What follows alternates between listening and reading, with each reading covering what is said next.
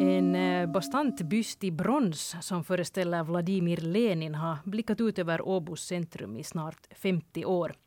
Det här var en gåva från vänorten Leningrad som Åbo fick ta emot år 1977. Och bysten var gjord av en erkänt skicklig rysk skulptör. Eh, där har den sen stått och irriterat en del Åbobor. Andra har skämts över att den står där. Och de flesta har väl förhållit sig ganska likgiltigt till den, gissar jag. Nu och då har det blossat upp debatter kring den här bysten, men det var först nu i förra veckan som måttet uppenbarligen blev rågat för borgmästare Minna Arve från Samlingspartiet. Hon beslöt att nu ska Leninbysten packas ner i en låda och transporteras till ett museum och sen ställas i något lämpligt lager. Är det här nu rätt eller fel? Vilka statyer ska få stå kvar och vem är det som bestämmer? Det ska vi diskutera här i dagens Slaget efter tolv och jag heter Maria Nylund. Och med mig här i Åbo-studion för att eh, fundera på statyernas kraft har vi Johanna Wassholm. Välkommen. Tack. Du är docent i Rysslands och Nordens historia vid Åbo Akademi. Ja. Eh, och så har vi Ulla Gren, välkommen. Tack så mycket. Du är medlem i stadsstyrelsen i Åbo och representerar där då Svenska folkpartiet. Och sen har vi Jan-Otto Andersson, välkommen. Tack, tack. Du har engagerat dig i den här bystfrågan både i kommentarsfält på nätet och genom att skriva insändare. Du är ju också känd vänsterförbundare, får man säga. Om vi börjar med dig nu Ulla Gren. Eh, du sitter alltså i stadsstyrelsen och ni tog faktiskt upp den här bystfrågan på ert möte i måndags. Eh, trots att alltså borgmästare Minne Arve redan hade beslutat att bysten ska plockas bort. Hur gick den här diskussionen på ert möte? Vad var det ni diskuterade? Det är ju egentligen så att, att hela den här statyfrågan har ju kommit upp flera gånger under de gångna åren och förslaget i och för sig var inte nytt att flytta bort den. Men nu i och med det här Ukraina-krisen, kriget, så har ju också invånarna, medborgarna engagerat sig mer och mer. Och man är av den åsikten att, att det här kriget nog eh, har lett till det att, att det som har att göra med, med Ryssland och i synnerhet nu Lenin eh, som då betraktas som en person som levde under den tiden då eh, Sovjetunionen kanske inte gjorde så väldigt gott för, för samhället. Och eh, min arve, borgmästaren, hade då den åsikten att den här statyn inte eh, nu motsvarar det ideal och de, de demokratiska tankar som Åbo har om världen och omgivningen. Och då är det bättre att flytta den i gott förvar i ett museum. Mm. Och då diskuterades det här och där kom det faktiskt upp det som du just sa också att, att vem är det som bestämmer var statyerna ska stå och, och i vilket skede och, och när kan de så att säga flyttas bort. Men den diskussionen kommer då att fortsätta. Men det här, den här diskussionen ledde också till en, till en omröstning. Vad var det alltså ni, var det så att säga en välsignelse av det här Minna Arves beslut eller vad var det ni röstade om? Skulle säga? Det blev nog en välsignelse av Minna Arves beslut. Eh, åsikterna var delade, det vill säga det var eh, vissa som ville att man kunde först diskutera principen, processen. Vem är det som beslutar om hur och var och när statyerna ska flyttas bort? Och eh, åsikterna var delade. Omröstningen föll 8, 4, 2. Och hur röstade du själv? Jag röstade själv för Minna Arves beslut. Så du tycker att det är bra att ja? Ja, jag tycker i och för sig, det är ingen tröskelfråga egentligen för mig. Men det här Ukraina-kriget och det, den påtryckning som nu har kommit från medborgarnas sida så tycker jag att, att berättigat till det att statyn flyttas bort. I och för sig tycker jag att den här plaketten som finns där på huset på, på väggen invid statyn, den kunde stå kvar som ett minne. Mm, där det stod att här övernattade Lenin när han Precis. flydde. det där, uh, Jan-Otto Andersson, uh, du tycker sen inte alls om det här att man plockar ner Lenin. Du skrev i en insändare i Åbo underrättelser uh, för någon dag sedan så här att att man tar bort Leninbysten är ett uttryck för vulgärt rysshat och långsint antikommunism. Uh, ja, det var en kraftig slutsats. Men att eh, jag eh, tycker att det är illa att man lyfter fram det här att ta bort Lenin på grund av kriget i Ukraina och på grund av att man associerar Lenin med allt som hände under Stalintiden. Så han har ju kallats, i, den här diskussionen har han då kallats en massmördare. Lenin alltså? Lenin också. Det, det är nu så att Lenin väldigt starkt betonar eh, nationernas självbestämmande rätt. Och att eh, när det gäller Ukraina så, så, så ställdes då frågan, skulle Ukraina få självständighet eller skulle det bli en del av den ryska federationen? Och han, Stalin var för att, att, att, Ukraina skulle inkorporeras i den här ryska socialistiska mm, eh, federationen. Medan Lenin mycket skarpt motsatte sig. Att han ansåg att det skulle vara självstyre för alla nationer som sedan så att säga mer eller mindre frivilligt ansluter sig till en union som ska omfatta både Europa och, och eh, Asien. Så att där, redan det här var 1920 kom han på kant, kant med Stalin om den här viktiga Ukraina-frågan. Och där, eh, där ska vi också eh, tänka på att, att, att det, det pågick ju ett ett, ett krig efter, det, efter den här Brest-Litovsk-freden mars 1918 så, så intervenerade utländska makter och sedan förstås de här vita generalerna eh, i Ryssland. Och där var det så då att, att de här vita generalerna de hade inget intresse av att de, de här skulle få någon självständighet, de här områdena som hade hört till tsarriket. Tvärtom ville de upprätta tsarriket på nytt. Så att, eh, och, och, och Lenin var en, var en kritiker av storryskhet under långa tider. Mm, menar... Alltså det här storryska som Putin representerar. Och så, och, så, som, så det, det var någonting som Lenin motsatte sig på olika sätt. Och för att nu förlänga den här historien lite så var det... Bara lite? Bara lite, ju. Det fanns en vit general som hette Denikin som hade kontroll över Ukraina-området. Och, och sen när den här röda armén slog honom så skickade eh, Lenin ett brev till arbetarna och bönderna i Ukraina. Där han, han där förklarade att de eh, har varit förtryckta av storryssarna och att de borde få självständighet. Eh, den här Denikin han flydde förstås och dog i USA på 50-talet tror jag. Och eh, sen flyttades hans kvarlevor av Putin till Moskva där den begravdes. Alltså Putin är en direkt efterföljare till den här storryskheten som de vita generalerna representerar. Mm, Så att, att, att ge sig på Lenin i just det här sammanhanget är mycket märkligt.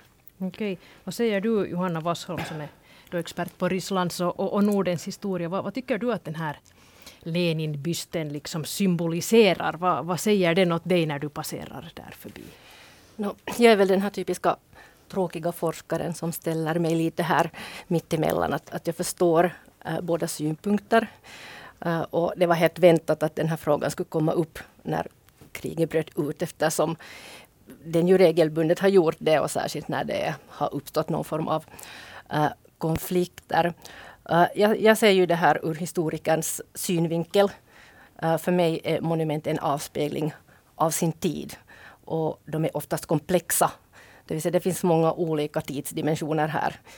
Eh, vad symboliserar den här statyn? Det vill säga det symboliserar den tid Lenin fanns här i Åbo. det symboliserar tiden kring Finlands självständighet.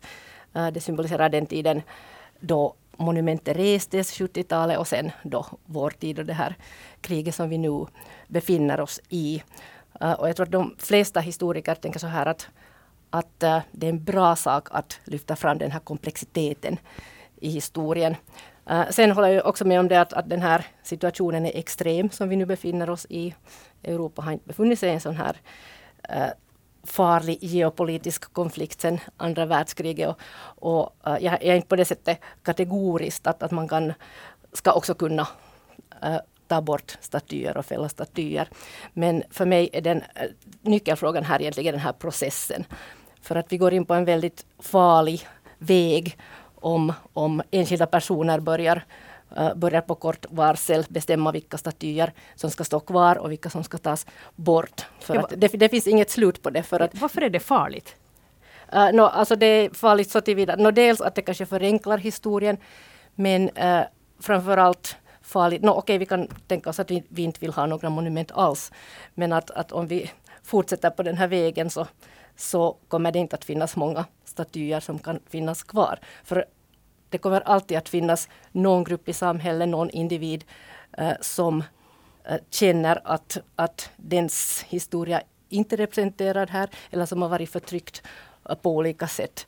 Och vi tänker på alla regenters monument till exempel, så i historien så, så finns det knappast någon som inte skulle ha eh, begått brott mot vissa folk eh, eller grupper. Och det här såg vi tydligt då för två år sedan i samband med de här Black Lives Matter demonstrationerna då man riktar de här uh, mycket, den här, det statyer är, de är materi, materia som man kan rikta rikta sin ilska mot i, i konfliktsituationer. Och, men, att, men att som sagt, jag är inte kategoriskt att, att i samband med de demonstrationerna också så togs ju många äh, monument mm. äh, ner, kanske placerades i, i museer. Så det här tycker jag är den viktig, viktiga frågan, att, att det borde finnas en procedur för hur man gör det här. Och som historiker säger jag förstås att, att, att det är en chans.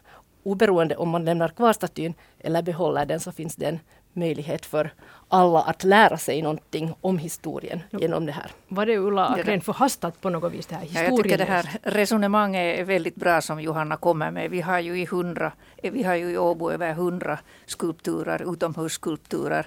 Eh, så att eh, om man går vidare så kunde man ju tänka sig att man kan ju inte gå och ifrågasätta eh, platsen eh, eller historien bakom dem allihopa. Men det var väl det här just som man också ville diskutera i stadsstyrelsen. Att borde man inte på förhand ta ställning till var och om en staty ska placeras eller ska man ta emot det. Och det var ju så här som det gick till då egentligen när den här statyn och mötet mellan tsar den första och Sveriges kronprins eh, eh Karl Johan eh, restes. Då ville man ju inte ha en staty med endast Alexander den första utan man ville då att det skulle symbolisera det här mötet och det här samarbetet. Och då blev det en, ja, en slutsats och ett resultat som säkert leder till att den statyn åtminstone ska stå kvar. Eller vad Johanna? Det, jag vill bara inflika här före du svarar att, att det här är ju alltså en staty som finns vid Aura Å. Den är ganska ny. Eh, där det då är Karl Johan, då, kronprinsen och Alexander den första, eller hur, som möts där. Och, och man har tolkat den här statyn då som att det var där som Sverige slutligt liksom lämna Finland, eller inte hade något anspråk på Finland mera och så vidare. Och kanske vissa inte tycker att det är heller så trevligt. Men Ja, det var min första tanke när jag hörde om det här att Lenin ska tas bort. Att nu är bollen satt i rullning så den måste rimligtvis komma också fram till den här statyn som restes eh, 2012 och som har blivit ganska populär där vid Åstranden. Men som symboliserar en händelse som är ganska okänd i det, i det finländska historiska medvetandet. Jag tror inte att så många skulle kunna säga uh, vilken händelse eh, uh, den här statyn handlar om. Och på sätt och vis säger jag att, att om man tänker historiskt att, att den kanske till och med är mera problematisk för att jag minns själv när den kom att den kom ganska plötsligt. Det var också ett, ett externt initiativ delvis på, med rysk finansiering och sammanfaller i tid just med den tiden då Putin mycket medvetet börjar bygga den här propagandan, historiska propagandan kring, kring då bland annat Ukraina men också överlag den här fiendebilden i Ryssland som, av, av Ryssland som hotat uh, utifrån. Så att uh, också, också som historiker så önskar jag att, att, att nu när när vi är igång att man kunde kanske lyfta från stadens sida den här processen, hur den har gått till. För att jag har märkt att, att den är ganska okänd för många. Att, att, en diskussion kring det skulle jag också välkomna faktiskt. Har ni varit lite oförsiktiga här nu på något vis i att ta emot sådana här gåvor? Jag förstod här på Jan Otto visste att det var en, en rysk oligark som hade finansierat den här statyn, åtminstone delvis. Alltså borde ni ha ifrågasatte på något sätt. Jag tror att utmaningen är nog de världshändelser som vi är inne i nu med Ukraina-kriget. Men det är helt rätt och riktigt. Man ska se på processen och man ska inte liksom utgå ifrån att vem som helst kommer och, donera en, en skulptur eller ett monument och säger att här ska det resas och så gör man det utan problem. Jag tycker att det för tillfället är ganska bra som det som har hänt med Lenin. Alltså jag förstår bra min Arve att hon var rädd för att det skulle ske eh, någon slags eh, klotter, klotter eller sabotage mot den. Och att den paketerades eh, är egentligen en ganska lyckad lösning. Men däremot så tycker jag det är märkligt om man nu på grund av det här kriget i Ukraina ska, på grund av att vi eh, förstås är kritiska mot Ryssland i det här skedet. Att, att eh, därför ta bort den här statyn eh, av, av Lenin. Nu är det ju en massa intressant klotter som pågår där på, på den här mm, paketet, det här fanerskyddet för Lenin. Så att jag, och tur är det ju att, att det är en strejk på gång så att vi har ett par veckor på oss att fundera. Jag tycker nog att statsstyrelsen skulle kunna fundera, tänka på att ska vi i alla fall diskutera den här saken på ett lite djupare sätt. Att det inte får bara vara de här känslorna som tar över i, och, och beslutar att, att det ska gå så här. Det, det, har nog hänt tidigare. Jag vet under den så kallade finlandiseringsperioden så hände det att, att, att eh, representanten stat, eh, från Leningrad hade med sig en, en tavla som donerades till Åbo stad. Och det här, jag kommer inte ihåg vem det som var stadsdirektör på den tiden. Men, men han tyckte det var en väldigt fin och dyr tavla som hade gett så att han ville genast ge tillbaka. Så han tog kontakt med, med konstmuseet och, och det var en tavla som, som var betydligt finare och dyrare som han då på stående fot gav som motgåva. Och det, det, det, det, borde ju heller inte få göras. Alltså att om det är, är är fråga om sånt här så borde man inte låta känslorna rusa iväg. Och i synnerhet så när politiker inte kanske är så insatta i eh, konst och, och, och vad de här bysterna nu verkligen kan representera. Ja, Johanna, ja, här finns intressanta paralleller förstås också till den här situationen i Ukraina. Där ser man ju att, att där har också genast när kriget bröt ut så blev olika monument Eh, Eh, med sådana här stridsäpplen. Och nu den senaste veckan har vi eh, läst rapporter om att man i de ryskockuperade områdena har rest statyer över Lenin. Eh, kommunistiska symboler har man förbjudit i lag i Ukraina. Och det här är, där finns också en, lite en motsättning så tillvida att, att Putin ju har framställt Lenin som den här, som Jan Ottoren var inne på, som en, den här svaga ledaren som egentligen skapa Ukraina och sen uh, i Ukraina har man igen tagit ner sådana vänskapsstatyer och vi har den här en liknande diskussion i Helsingfors om den här världsfredsstatyn som vad jag förstod inte kommer då att, att sättas tillbaka. Den skulle väl tas bort för någon renovering oavsett ja, för en tid. Ja, så att, uh, Bra. Jag tänkte, du nämnde det här med finlandiseringen. Ett argument för att Lenin borde få stå kvar, så eh, också det att, att den påminner oss om den här finlandiserings tiden. Eh, att Åbo då 1977 då vänstaden Leningrad kommer med sin byst som gåva så, så var det också väldigt svårt att tacka nej eh, till den och, och, att det, här, det skulle vara liksom nyttigt att komma ihåg den här tiden. Då. Eh, är det här ett bra argument tycker du Johanna Washolm? Har den en sån funktion? Jag tycker att nog som historiker att, att det är ett bra jo, argument ju, att lyfta fram just den här, de här olika skikten i monumenten. Men sen, men sen tänker jag att, att det finns i sig inget uh, det är inte heller ett helt hållbart argument för att det finns självklart inget Uh, liksom inget argument för att man inte skulle kunna komma ihåg de här sakerna utan, utan en Ja, behöver man ett monument som liksom ska påminna oss om ja. det här nu sen? Så nu ska vi man dåligt. tänka sig det. Alltså på 70-talet så började man ju i Finland med Kekkonen i spetsen betona att det var Lenin som först var den som erkände Finlands självständighet. Och det var ju, gick ju om jag nu kommer ihåg rätt, så långt kan du se, det beslöts att göra en, en historik, eh, Lenin och Finland, som sedan småningom kom i tre volymer. Alltså på sta, statens bekostnad faktiskt. Så det här var en tid där man lyfte fram eh, Lenin. Eh, för, för, för man tyckte att det, han, han hade bidragit då speciellt till Finlands självständighet. Och, och, det där tycker jag nog att den här, den här statyn där uppe i backen på sätt och vis också symboliserar. Det var, det var det, en tid när det så att säga var, var goda relationer mellan de här två länderna som inte alltid har haft det. Mm. Men hur svårt var det att tacka nej till en sån här gåva på 70-talet? No. Det var lite känsligt med placeringen också förstod jag. Uh, ja, det var nog uh, svårt att tacka nej förstås i den, uh, i den situationen. Och, och, om jag har förstått rätt så, så letar man ganska länge efter en, en plats som skulle vara eh, tillräckligt fin men ändå lite undangömd för att eftersom då människor som kom från Sovjetunionen förstås skulle alltid eh, besöka den här statyn. Här ska jag säga att platsen har också en viss betydelse för mig. Att det skulle självklart vara en helt annan sak om det skulle stå en Stalin på Åbo salutorg.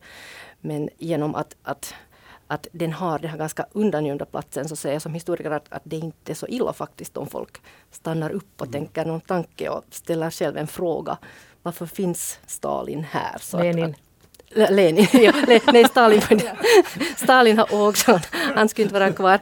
Men ja, så att, så att det här att, att, att uh, statyer också väcker frågor kring, kring historien, det tycker jag är viktigt. Jag måste anknyta till det här. Jag talade med en historielärare häromdagen som då berättade att där går, han jobbar i Pålalla skola som ligger ganska nära den här Lenin-statyn. Och där går hundratals skolelever förbi varenda en dag. Ingen har reagerat, ingen frågar någonting. Vad är det för en typ? Vad, vad är den här herremannen för någonting? Men sen när den var klottad med, med kära och fick fjäder på sig så frågar allihopa att vad är det för en man? Vad han, vad, varför vill man nu sen göra också så här? Och den här, min bekanting då, historieläraren, han tyckte att det här var liksom toppen. Äntligen är det någon som frågar någonting. Han eh, fick tillbringa med eleverna några timmar och berätta om, om Sovjetunionen och berätta historien från början på 1900-talet. Och eh, han tyckte naturligtvis att statyn ska stå kvar. Jag var också där på, på måndagen när Eh, den var inne i lådan redan och såg de här som inskriptionerna där och jag tyckte det var en fantastisk eh, sammanfattning av alla olika perspektiv man kan ha på Lenin. Så, så jag skulle föreslå att man också, om man nu placerar Lenin i ett museum, så tar man med den här lådan också. Den kanske skulle kunna stå där istället. Och så. Det skulle egentligen ha precis samma funktion. Det här som Ulla sa om, om att det väckte intresse, det har jag märkt eh, med, med utlänningar. Nu har du sagt att, att på grund av att turister är här i stan vi, borde vi inte ha, ha den här Lenin-statyn. Men en, jag har märkt att, att, om man går med utlänningar förbi så blir de intresserade. Då kan man berätta en massa om Finlands historia och, och, och om relationen mellan Ryssland och Finland. Just på grund av att den där står där. Och, och det, det, för utlänningar är det väldigt svårt att, att förstå sig på Finlands historia i själva verket. Att, vad har vi hört till Sverige och har vi hört till Ryssland och hur, hur blev vi självständiga och allt det där. Och det där kan man delvis ta upp då i samband med den där bysten. Ty, tycker, tycker ni att det har någon betydelse på liksom hur man ser på Lenin som, som historisk person? Att just det här som vi sa här inledningsvis, att är han en massmördare eller är han de facto en, en ganska bra kille som, som var den som erkände Finlands självständighet och så här. Har den en betydelse för just ett sånt här beslut, vad man gör med en sån här byst? Jag skulle framhålla att han ju var väldigt mycket en krigsmotståndare. Alltså han var ju först känd för att han så försökte få Socialdemokraterna i Europa att inte stödja sina eh, regimer i, i, i kriget. Och, och, och, han var den som motsatte sig den här för, händelserna i första mm. världskriget. Och den här oktoberrevolutionen skedde ju framför allt för att man skulle lösgöra Ryssland från kriget. Men har det någon betydelse på hur man liksom ser på en sån här person? Att om han är en, en liksom good guy eller bad guy? Att jo, liksom det har nog. Det, det, har, det, det är ja. klart det har, har, det. Jag menar, ta nu eh, diskussionen om Mannerheimstatyn som var så, vad fanns det? Då, för de röda hade han ju varit en slaktare och, och det där, för de vita och också lyckligtvis har han eh, liksom gjort annat senare än i, i, i inbördeskriget. Men att, att, att, att, att, att det, det, var ju för, för, för, för många så var det ju fortfarande liksom fråga om en, om du ska säga en jämförelse med de vita generalerna som fanns i Ryssland. Och det är många som, på, som, som tar honom som en mycket opålitlig person och han, han sammankopplas nog tyvärr med det som Putin håller på med nu idag. Och det är därför som den här allmänna opinionen är så starkt emot att man ska ha en staty på dess plats som det är nu. Och det här massmördarargumentet eh, oberoende hur det hänger ihop med verkligheten är, det som har framförts väldigt starkt. Och det gör det också svårt att, att, ha en nyanserad diskussion om det för att det blir lätt den här kopplingen att om du försvarar att Lenin ska stå där så betyder det att du försvarar en massmördare.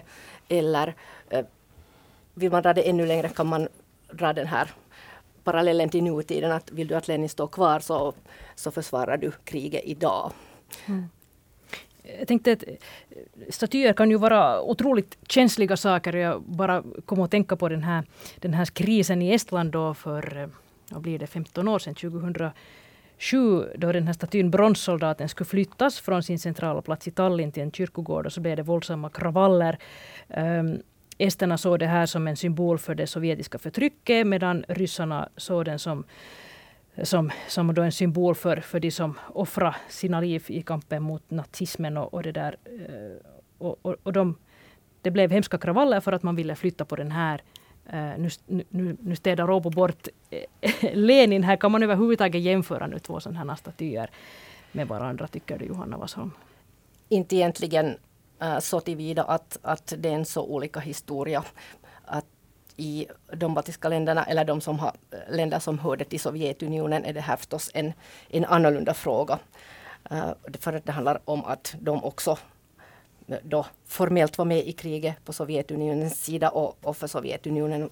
Och idag Ryssland är det här segern över fascismen, det, det är liksom den viktigaste historiska berättelse, den viktigaste historiska identiteten, så, så där blir den här frågan förstås eldfängd på ett annat sätt. Att det skulle den inte kunna i samma bemärkelse eh, bli här. Och förstås eh, i, i de länder som överlag Östeuropa som ingick i den, den sovjetiska intressesfären så där har man i många länder eh, stiftat lagar där man har förbjudit de här kommunistiska symbolerna och tagit ner alla, eh, alla monument Uh, och, och, det kan man förstå för att det bygger på en helt, helt annan historia än, än vad vi har trots allt. Jag tror ni att Ryssland följer med vad Åbo nu gör med sin Lenin-byst? No, nu har vi ju avbrutit vänskapsrelationen till Petersburg och det tycker jag också är synd. Vi skulle ha lagt den på is och se vad som händer. För att, att ha den här kontakten till en metropol som Petersburg tycker jag är, är, är värdefull i framtiden också. Och, och eh, nu det där eh, att, att, att, ta bort den här gåvan är ju och som det nu var Leningrad som gav den och inte Petersburg. Så, så, så tycker jag nog att det är liksom ytterligare en symbolhandling att vi vill inte ha någonting mer att göra. Jag tänker också att det där är någonting som kanske kan komma upp i den äh, ryska informationspåverkan. Men jag tänker att, att det kanske ändå är en ganska, äh, ganska liten sak i, i det här stora sammanhanget. Jag tror vi kommer att få se många andra mycket större frågor. Det såg vi redan igår att svenskar har äh, svenskar som har utpekats som nazister i Ryssland och så här. Och det kommer vi, sånt kommer vi, tror jag nog, att se mera i Finland mm. än en, en diskussion om just Lenin det här ryska generalkonsulatet finns ju här i Åbo ett stenkast nu då från där vi står nu. Har, har det kommit några reaktioner därifrån Ulla Akren? Nej, det har det inte kommit. Och jag tror nog lite här som, som Johanna antydde att det här är nog en så liten sak trots allt att det inte kommer så att säga över nyhetströskeln. Men sen de facto så är jag nog av den åsikten att säkert håller man koll på vad vi gör både i Åbo och annanstans här i landet. Mm.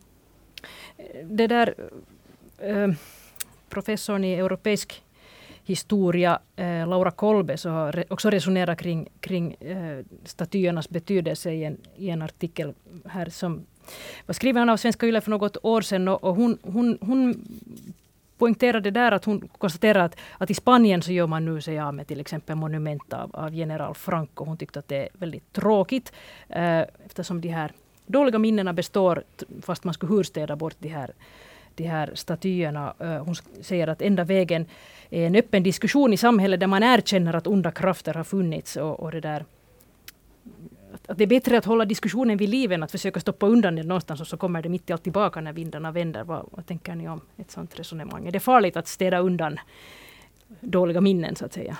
Det kan vara farligt uh, om det går för långt. Sen kan jag hålla på med att det finns säkert en någonstans där man måste dra gränsen. Men, men faktum är att, att det är ju precis det man har gjort i Ryssland under de 20 senaste åren. Man har byggt en historiebild där det finns en enda uppifrån given sanning och alla alternativa berättelser har eliminerats systematiskt. Och, och som historiker säger jag att, att det är just den, eh, den typen av förenklade bilder som, som, som jag har som uppgift att motverka. Att, att jag vill nog lyfta fram den där, nyans, den där nyanserade bilden hellre. Det var när Finland blev självständigt, så efter det så tog man bort några sådana minnesmärken i Helsingfors. Eh, men nu har man satt dem tillbaka senare. det är intressant att det har, man, man, man ville få bort en hel del av det ryska genast efter självständigheten. Men kanske om det berodde på finlandiseringen eller något annat. Så, men jag tror att det är senare som man till exempel har, har, har återställt den här eh, vad, kan ni hjälpa? Den där som finns... Kejsarinnans, kejsarinnans eh, vad heter det? Sten, tror jag. Sten, kejsarinnans sten där nere vid hamnen. Och där finns ju den här intressanta parallellen med Alexander den andra på Senatstorget i Helsingfors. Att det är ju också en, en staty som säkert hos utlänningar äh, väcker frågor, vilket kan vara bra.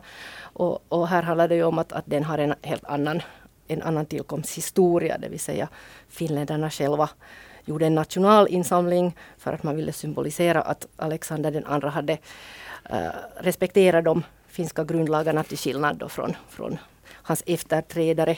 Så att, att vad jag förstår så det har nog diskuterats efter Finlands självständighet om han ska stå kvar men, men jag känner inte till att man någonsin på allvar skulle ha äh, velat flytta bort honom. Det fanns, nog, det fanns nog planer på den vita sidan att ersätta honom men, men men så det har mycket alltså, monument har mycket att göra med tillkomsthistorien också. Mm.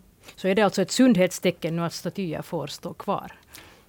Jag tycker absolut att det, det, det finns statyer som jag ogillar men för att nu ta ett exempel, när jag blev student, jag var 61, så det är länge sedan, så fick vi våra mössor där i solidaritetssalen. Och sen var det många av oss, jag inklusive, som gick och la en ros på en eh, minnesmärke över de vita seger över de röda. En Sankt Göran som stöter sin lans i en, i, i en rake. Och den, tycker jag nu i efterhand att, att det är en symbol för, inte för lika värde av människorna riktigt den här. Ganska nu, nu när jag ser på den så, så, så, så, tycker jag inte att det är så trevligt att den är där vid Borde den tas bort då? Nej, jag skulle ändå inte ta bort den. Det skulle jag inte göra. Sen, jag vet att, att, att just sådana kan användas för att diskutera vad var det verkligen som hände. Och där finns ju då namn uppräknade vita som har stupat. Och, och, en Valenius, jag kommer inte ihåg hans förnamn, men han, han var, hans bror Allan Valenius var eh, ledare av de röda i trakten. Att det där, det, man kan diskutera det här brödrakriget faktiskt med hjälp av den, den, den, den statyn också. Men nu är den i och för sig nu ganska hemsk. Mm. Kan man tänka att det är ett sundhetstecken att man tar bort en Leninbyst till exempel ur lakrön?